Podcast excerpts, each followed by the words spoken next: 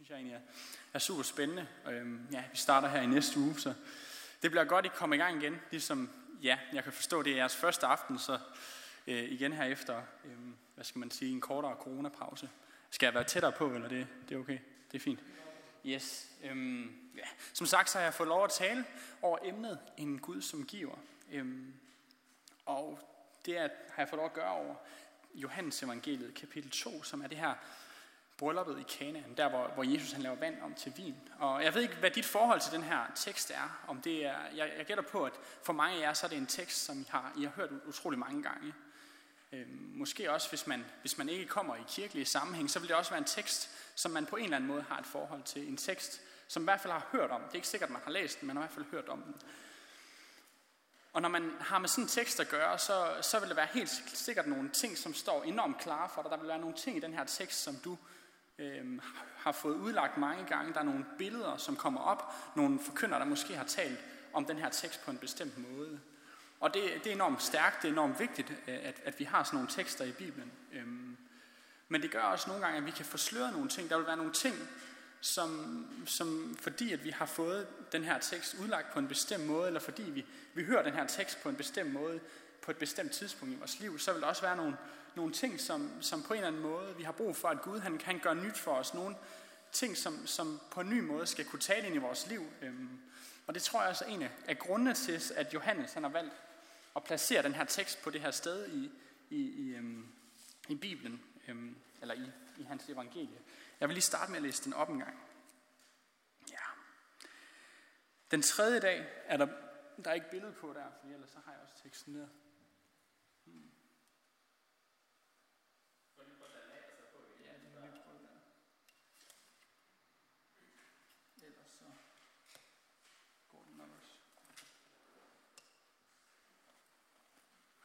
Så ser vi, hvad der sker.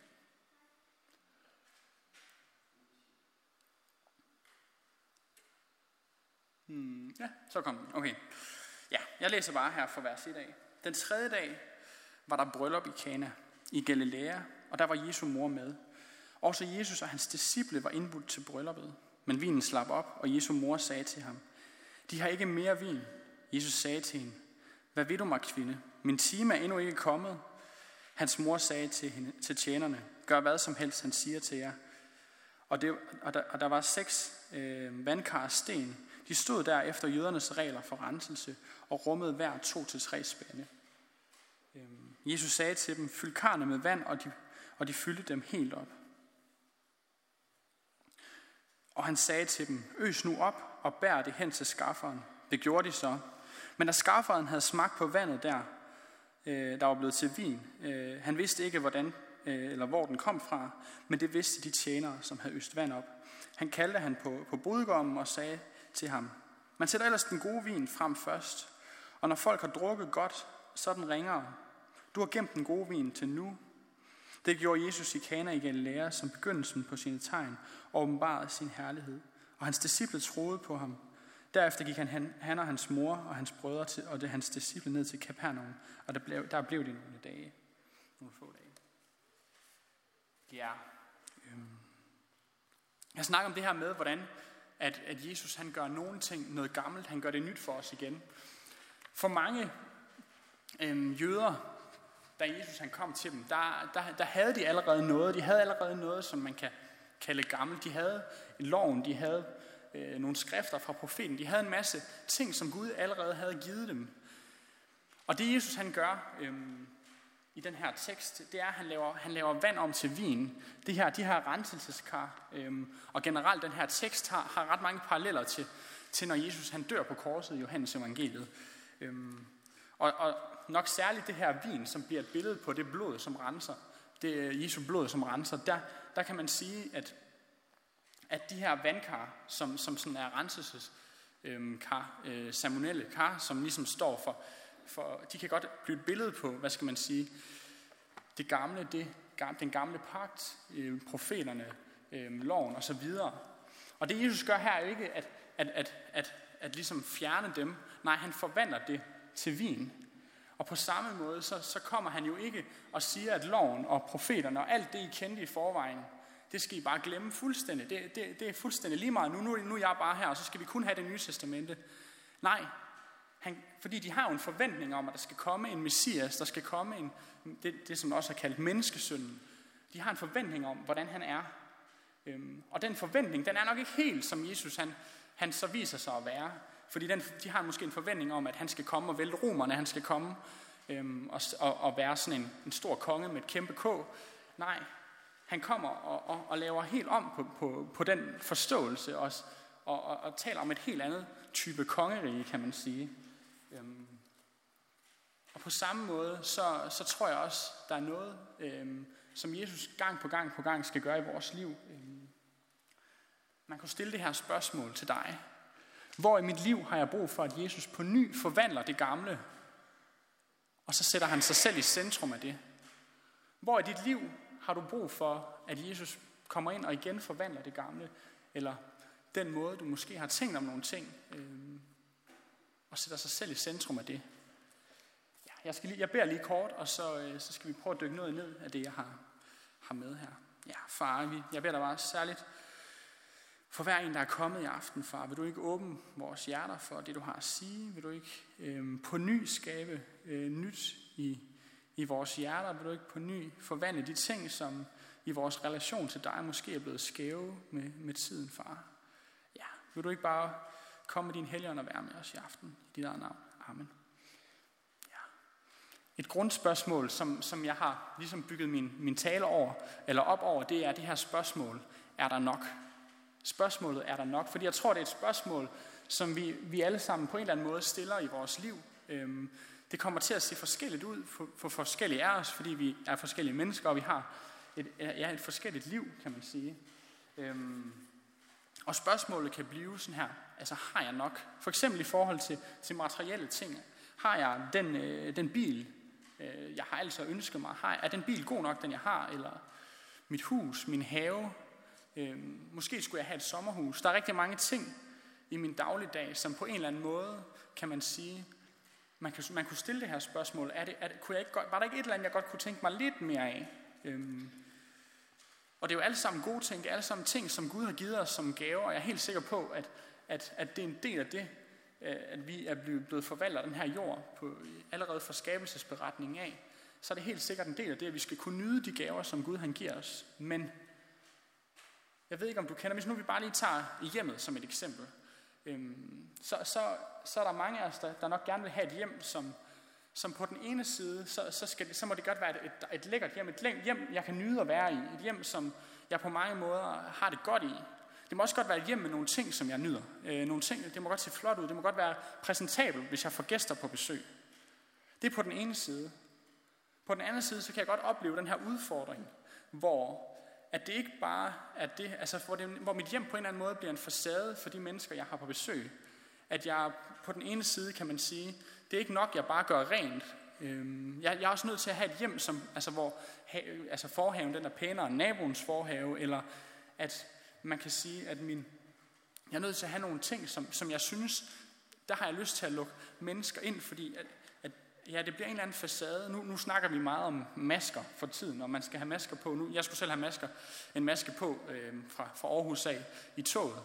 Øhm, men spørgsmålet er, om vi, vi ikke har haft masker på meget længere end, end, end coronatiden har, har, har givet os. Øhm, den her facade gør måske faktisk, at jeg pludselig, nu skal jeg tage det næste her, pludselig kan jeg faktisk invitere mennesker ind i mit hjem, uden at invitere dem ind. Jeg kan invitere mennesker ind i mit hjem, uden at invitere dem ind til mig. Og det ved jeg godt, at, at, at det her, det, er, det, det lige pludselig bliver noget relationelt. Det bliver noget mellem mennesker. Det bliver noget om, hvordan jeg har et forhold til, til mine medmennesker. Men på en eller anden måde, så kan mit forhold til mine materielle goder, det kan, det kan blive på en eller anden måde blive symptomatisk. Det kan blive symptomer for, hvordan jeg er i relationer. Øhm, det kan blive symptomer for, hvordan det her grundspørgsmål for eksempel påvirker min, øh, min, min relation og mit forhold til ting. Men det her spørgsmål, det ser ud på mange forskellige måder. For dig ser det måske ikke ud, som, som jeg lige har beskrevet det. Det kan også være, at du spørger, er jeg nok? Er jeg god nok? Er jeg nok for min familie? Er jeg nok på mit arbejde? Er jeg nok for mine, mine børn? Er, er jeg nok der, hvor jeg skal være? Er jeg god nok? Øh, og så videre. Øh, er vi tætte nok i min familie? Har vi de rigtige dybe snakke? Er jeg på de rigtige tidspunkter? Og du kan helt sikkert komme på flere spørgsmål, øh, som de her spørgsmål. Øh. Jeg har lyst til at fortælle en lille historie, fordi da jeg var, da jeg var mindre, så, så derhjemme, jeg ved ikke, om I kender det her med, så har man øh, som familie, eller så sidder man derhjemme, og så, har man, så er det fredag aften, man ser måske Vild med Dans, eller Disney Show, eller hvad det nu er, og så kommer der snacks på bordet. Og så ved man godt, at i hvert fald nu har jeg, nu har jeg en lillebror, øh, og vi, vi kan godt ved, så har vi haft de der kampe der, som, som man har som brødre. Og så ved man også godt, de første 10 minutter af den her øh, Disney Show, eller hvad det er, vi ser, den her film, der er der ingen, der ser filmen, fordi alle har fokus på de der chipskål, der står derovre. Den er, det er først, når den chipskål er tom, at vi så lige får, får set videre på filmen. Men hvis nu det var, at min mor hun havde, havde 10 poser chips derude på køkkenbordet, og jeg vidste, hvis jeg godt vidste det i forvejen, at der er 10 poser chips, eller vi har fået en pose hver, for eksempel, så har jeg måske ikke gjort det samme. Så har jeg ikke haft det der behov for at få min del, for at stille det der spørgsmål, som, som der i bund og grund ligger i det her. Er der nok? Det bliver sådan en, en mistillid til den vært, som jo så det her tilfælde er min mor, der har sørget for, at der er chips på bordet. Og det her spørgsmål, som jeg nu stillede i forhold til ting i vores liv, sådan kan vi også stille i vores Guds relation. Det her kan faktisk påvirke, hvordan jeg, jeg, jeg, jeg kigger på Gud. Jeg kan faktisk tage det her spørgsmål med ind. Og måske så kunne jeg faktisk finde på at sige, er Gud virkelig den, han siger, han er? Er jeg nok i forhold til Gud? Øhm, I forhold til de her materielle ting, så, så kan det, hvis vi forestiller, at Gud han er vært for mit liv, han er den, der faciliterer der, hvor jeg er, så kan det lige pludselig blive, er, er han den, der sørger for mig? Så når han lover, han sørger for mig, han lover, han giver mig det, jeg har brug for, gør han så virkelig det? Øhm, og den her mistillid, den kan, den kan fremstå på mange måder. Hvis Gud virkelig er den, han siger, han er, er jeg så nok? Øh, og på en eller anden måde, så i det her spørgsmål, er jeg nok? Så kan der opstå det her pendul, som du måske kan kende, mellem hårdmod og mismod, som begge to har bund i det samme spørgsmål. Er jeg nok? Har jeg, hvis, hvis jeg ender ud i det her hårdmod, som er på den ene side, jamen så er det, så, så er det et fokus på mig selv, hvor, hvor fordi jeg ikke har nok, øh, altså jeg ikke, kan, jeg ikke kan føle den der accept, så har jeg brug for at føle mig ophøjet, hævdet. Men, men pendulet kan jo også svinge den anden vej, og så, så lige pludselig bliver det et mismod, som på samme måde som hårdmodet faktisk har, har fokus på mig selv i det der, fordi at, at, at jeg ikke har den her oplevelse af, at jeg er nok. Selvom Gud han faktisk gang på gang på gang siger, du er nok, fordi du er mit barn, jeg skabte dig, jeg elsker dig. Øhm. Og så lige pludselig, så har vi gået fra, at der var et spørgsmål, der hed, er du nok i min helt normale hverdag, flytter lige pludselig over i min Guds relation. Og til sidst, så kan den faktisk ende med at påvirke, hvordan jeg ser på Gud. Hvordan kigger du på Gud? Hvad er det, du ser, når du ser på Gud? Det spørgsmål skal vi prøve at dykke ned i lidt senere. Fordi jeg har lige en anden historie. Øhm, en anden ting, som, som hvis man kigger tilbage i sit liv, kan være, være, være super godt. Øh, for eksempel som barn, så kan, man, så kan man opleve det her med for eksempel at sove i en bil. Det, det er utroligt lækkert. Øhm, jeg ved ikke, om I har prøvet det her med at være på, på familietur, enten som, som, som voksne eller, eller, eller som, som børn, hvor, hvor I har, været, I har måske været til en eller anden fest. Nu har jeg boet på Sjælland på et tidspunkt i mit liv, øh, da jeg var mindre. Og så havde vi familie i Nordjylland, så der var ret langt, så der var en lang tur hjem, og der kunne man lige nå at sove i bilen. Og så når man kommer hjem øh, og kører ind i indkørselen, så, så kan far eller mor lige komme og så løfte en op, og så bære en ind i seng. Og det er virkelig dejligt. Hvis ikke det var lige for en, en problem, det er nemlig, at når man kører ind i en indkørsel, og bilen slukker, så sker der det, at man vågner. Og så kigger man lige op, og så siger man, jeg skal ikke gå ind.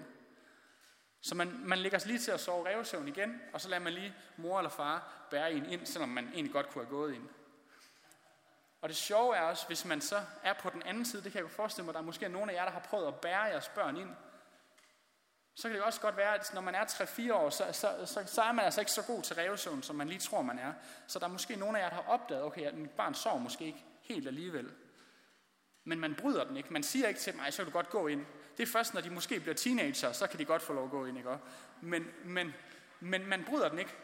Fordi det, det er sådan et, et, et moment i ens liv. Det, der, er, der er et øjeblik der, som man måske kan huske tilbage på, når, man, når, når de engang bliver teenager.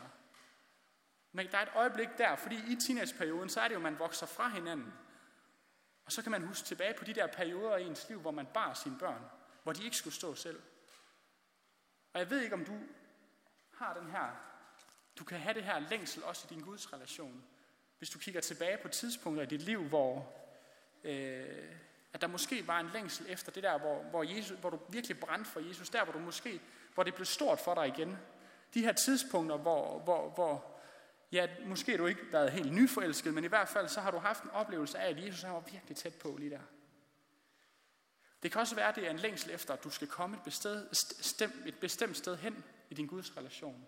Du savner, savner måske en eller anden form for fred. Måske så er der en masse ting, arbejdsjag og stress og alt muligt der omkring en, som, som gør, at Gud han føles faktisk langt væk. Han forsvinder lidt i det der arbejdsstress, det der jag og det der, alt de her ting, som, som ligesom kan forstyrre os. Du får ikke taget den tid, du skulle have. Du banker måske dig selv i, i hovedet over, at du ikke får den andagstid, som du egentlig inderst inden gerne vil have. Øhm. Og nu har jeg sketset det her spørgsmål op, som starter med måske, at du spørger dig selv, ind, altså sådan, det er ikke fordi du nødvendigvis stiller spørgsmålet, er der nok, men du gør det sådan, øh, hvad skal man sige, øh, øh, hvad skal man sige, mellem linjerne i dit liv, så stiller du det her spørgsmål, er der nok? Og det fører så til, at du stiller spørgsmålet i din Guds relation. Er jeg nok? Eller har jeg nok? Eller er Gud nok for mig? Øh, er noget nok? Alle de her ting. Og jeg kunne godt tænke mig, at vi bare lige tager et minut eller to, hvor du lige overvejer, hvor er det i mit liv, at det her det sker? Hvor er det i mit liv, at jeg oplever at stille det her spørgsmål?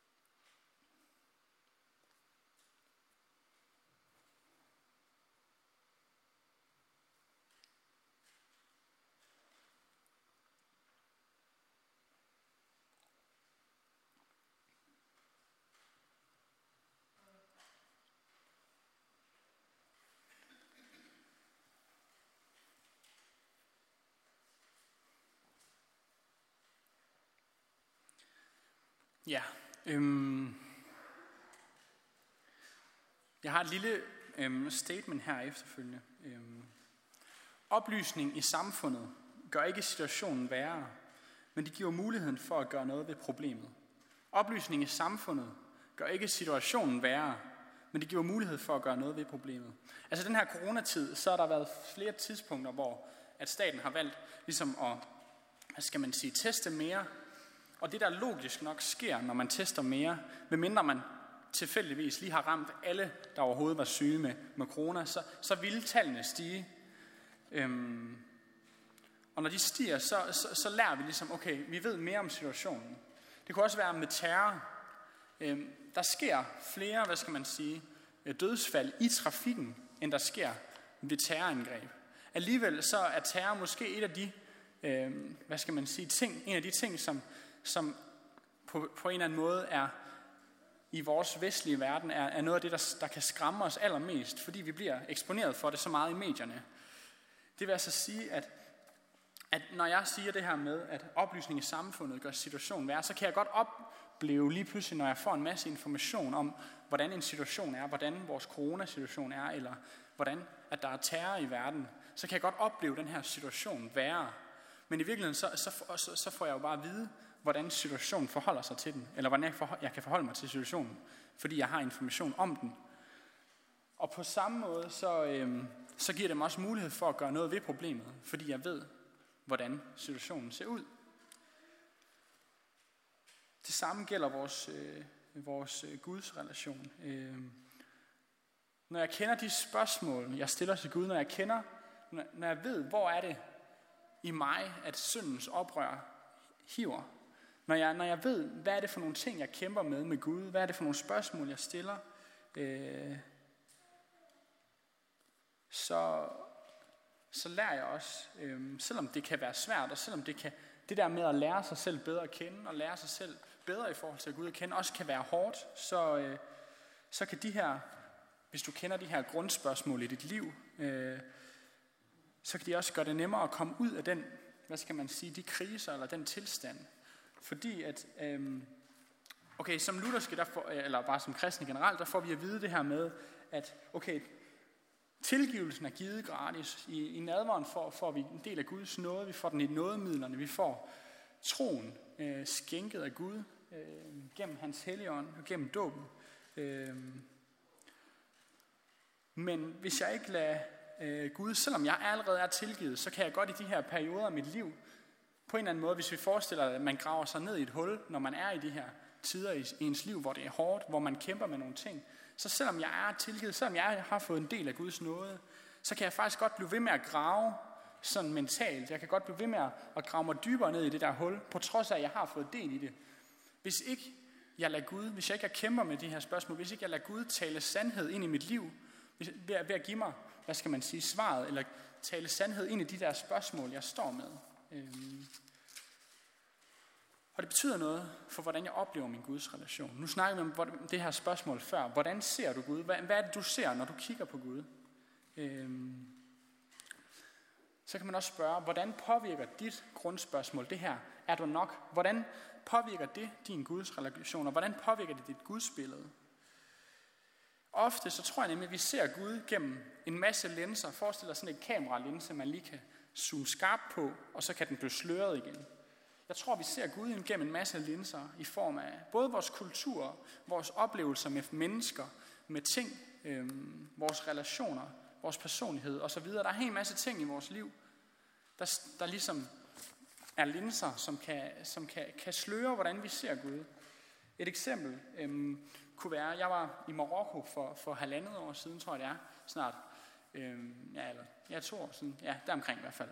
Der, øh, der var vi nede og besøge den kristne menighed i, i Marokko sammen med nogle, jeg var nede sammen med nogle venner, og Marokko er et land, hvor, jeg tror det var i 2017, der fjernede de den officielle dødsstraf for at konvertere fra, fra kristendommen til, eller fra islam til kristendommen. Og generelt så må de ikke have kirker. Det, det skal siges, der har nok ikke været nogen dødsstraf, sådan, altså sådan øh, eksekvering de sidste par år. Så det er ikke fordi, det har mere været sådan en, en, en, en lov, som stadig har været der. Men der er helt klart dernede en, en muslimsk kultur, øh, som gør, at det som kristen er enormt svært at være i. Men dernede der fik vi lov at have bibelstudier med, med en masse med den her muslimske kultur.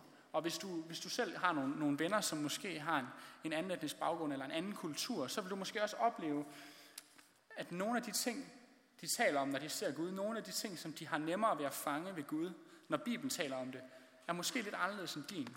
For eksempel så, så var der mange af dem her, som havde enormt nemt ved at fange, når vi taler om Gud som almægtig, Gud som enormt stor, Gud som, som hvad skal man sige, hele det her begreb, vi kalder Guds frygt, den her ærefrygt, der er øh, over det, at Gud han er hellig, det havde de faktisk enormt nemt ved at, ved at fange. Til gengæld, når vi så taler om Gud som far, Gud som ham, der elsker os, ham, der, der, der, der kan være vores ven, ham, hvor vi, der hvor vi tager, tager, hvad skal man sige, magtdistancen lidt ned. Det har det enormt været svært ved at gribe. Fordi de lever i et land, som, som, hvor, hvor magtdistancen mellem autoriteter bare er noget, noget højere, end den er i Danmark. På samme måde, så, så vil jeg gætte på, at de fleste øh, vil have, have forholds, altså i Danmark vil have forholdsvis noget nemmere end, øh, ved, ved for eksempel at fange begreber som far og som ven. Men måske er der et eller andet, der piger os ved, når vi taler om det her med, at vi skal frygte Gud. Og det, der taler jeg om, om to forskellige linser, som, som, som gør, at vi stiller skarp på nogle ting ved vores gudsbillede, men til gengæld, så vil der være andre ting, som er mere slørede. Og der er det, vi har brug for Helligånden. Der har vi brug for, at Helligånden kommer ind og ligesom stiller skarp på nogle af de andre ting. Vi har brug for, at der er nogle mennesker, der taler, at Gud bruger mennesker til at tale sandhed ind i vores liv på bestemte områder af vores for eksempel gudsbillede. Øhm. Og det er det her, de her grundspørgsmål, øhm, kan ligesom, de kan være med til at, ligesom at komme til at dreje på den her, hvad skal man sige, zoom-knap. Ja.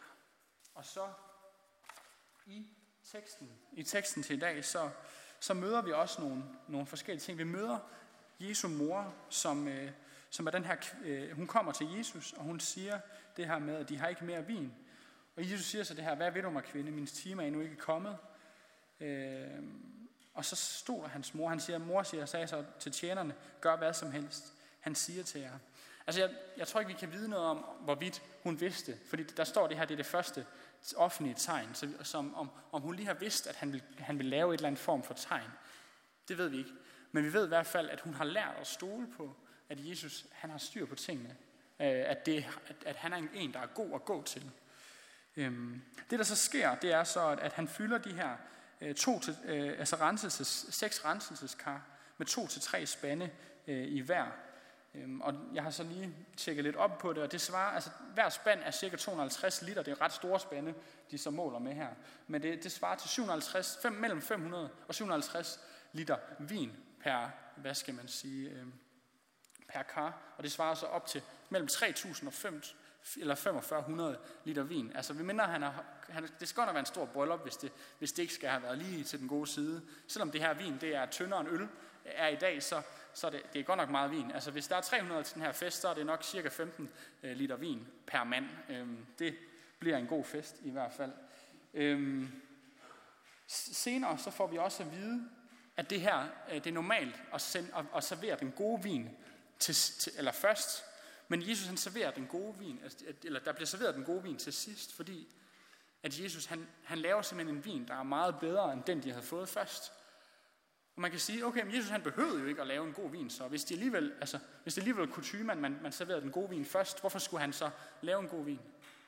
De her to ting lagt sammen, de siger noget, hvis vi husker på, at det her vin var et billede på, på Jesu blod, der renser, den her noget, som, som vi bliver skænket. Så det Jesus han gør her, det er, at han svarer på vores spørgsmål. Han siger, prøv her venner, der er nok. Der er mere end rigeligt. Der er i overflod. Det er det her, han siger. Han svarer på vores spørgsmål. Han siger, du er nok, fordi jeg har skabt dig, du er mit barn. Øhm, og han siger, at der er nok i verden, fordi jeg har skabt verden. Jeg er altings ophav. Øhm,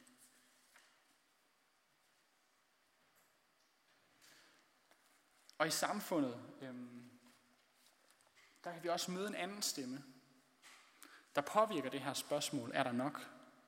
Øhm, en tendens, som udfordrer os måske. Øhm, jeg ved ikke, om I kender det her, øh, øh de her tv-programmer, der hedder Løvens Hule, øh, som er sådan et iværksætterprogram, det, der, der er på DR, hvor, hvor der ligesom er folk, der kommer ind med, med en eller anden virksomhed, og så præsenterer de den, og så, øh, og så er der så nogle investorer, der ligesom kan investere i den her øh, virksomhed. Øh, eller også så, kunne det være for eksempel øh, Nike, som har det her slogan, der hedder Just Do It.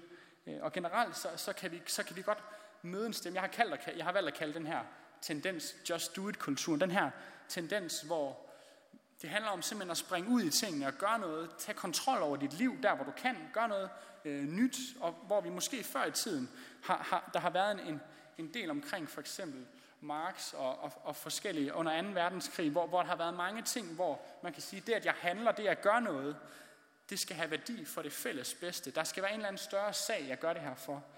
Så oplever vi måske i højere grad i dag, at, at, vores, eller sådan, at handlinger i sig selv har værdi.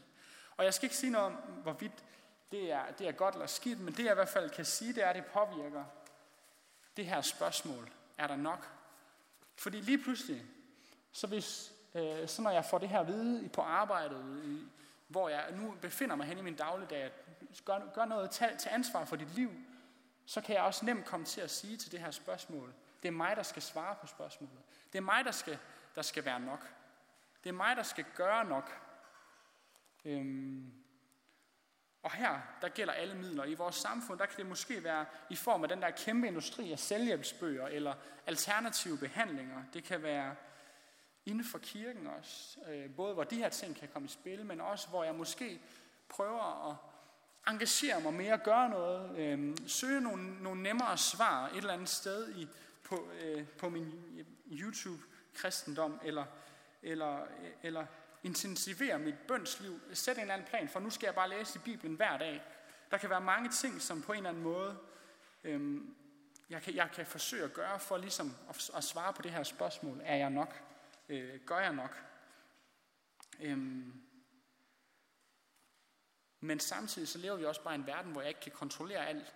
Der har været utallige prædikener over og, og Facebook-videoer om, hvordan at corona på mange måder har vist os, at vi ikke kan kontrollere alt. Øhm, den her øh, følelse af, at bare hvis jeg tager nok forholdsregler, hvis jeg nu lige tegner de rigtige forsikringer, hvis jeg lige lader være med at tage unødvendige risici, hvis jeg gør en masse ting for at foranstalte mig, jamen så, så, så, så, så har jeg egentlig kontrol over mit liv, så har jeg styr på mine ting.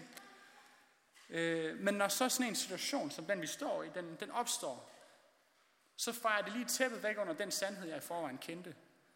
Jeg kan ikke kontrollere mit liv. Øh, og der er det så, at Bibelen har et, et, et stærkt svar til det, fordi den siger nemlig, Paulus siger det selv, at når jeg er magtesløs, så er jeg stærk. Altså lige i de her momenter, hvor jeg faktisk ikke har kontrol, det er der, jeg er stærk, fordi det er der, Gud han får lov at vise, hvem han er. Han får lov at vise sin almagt.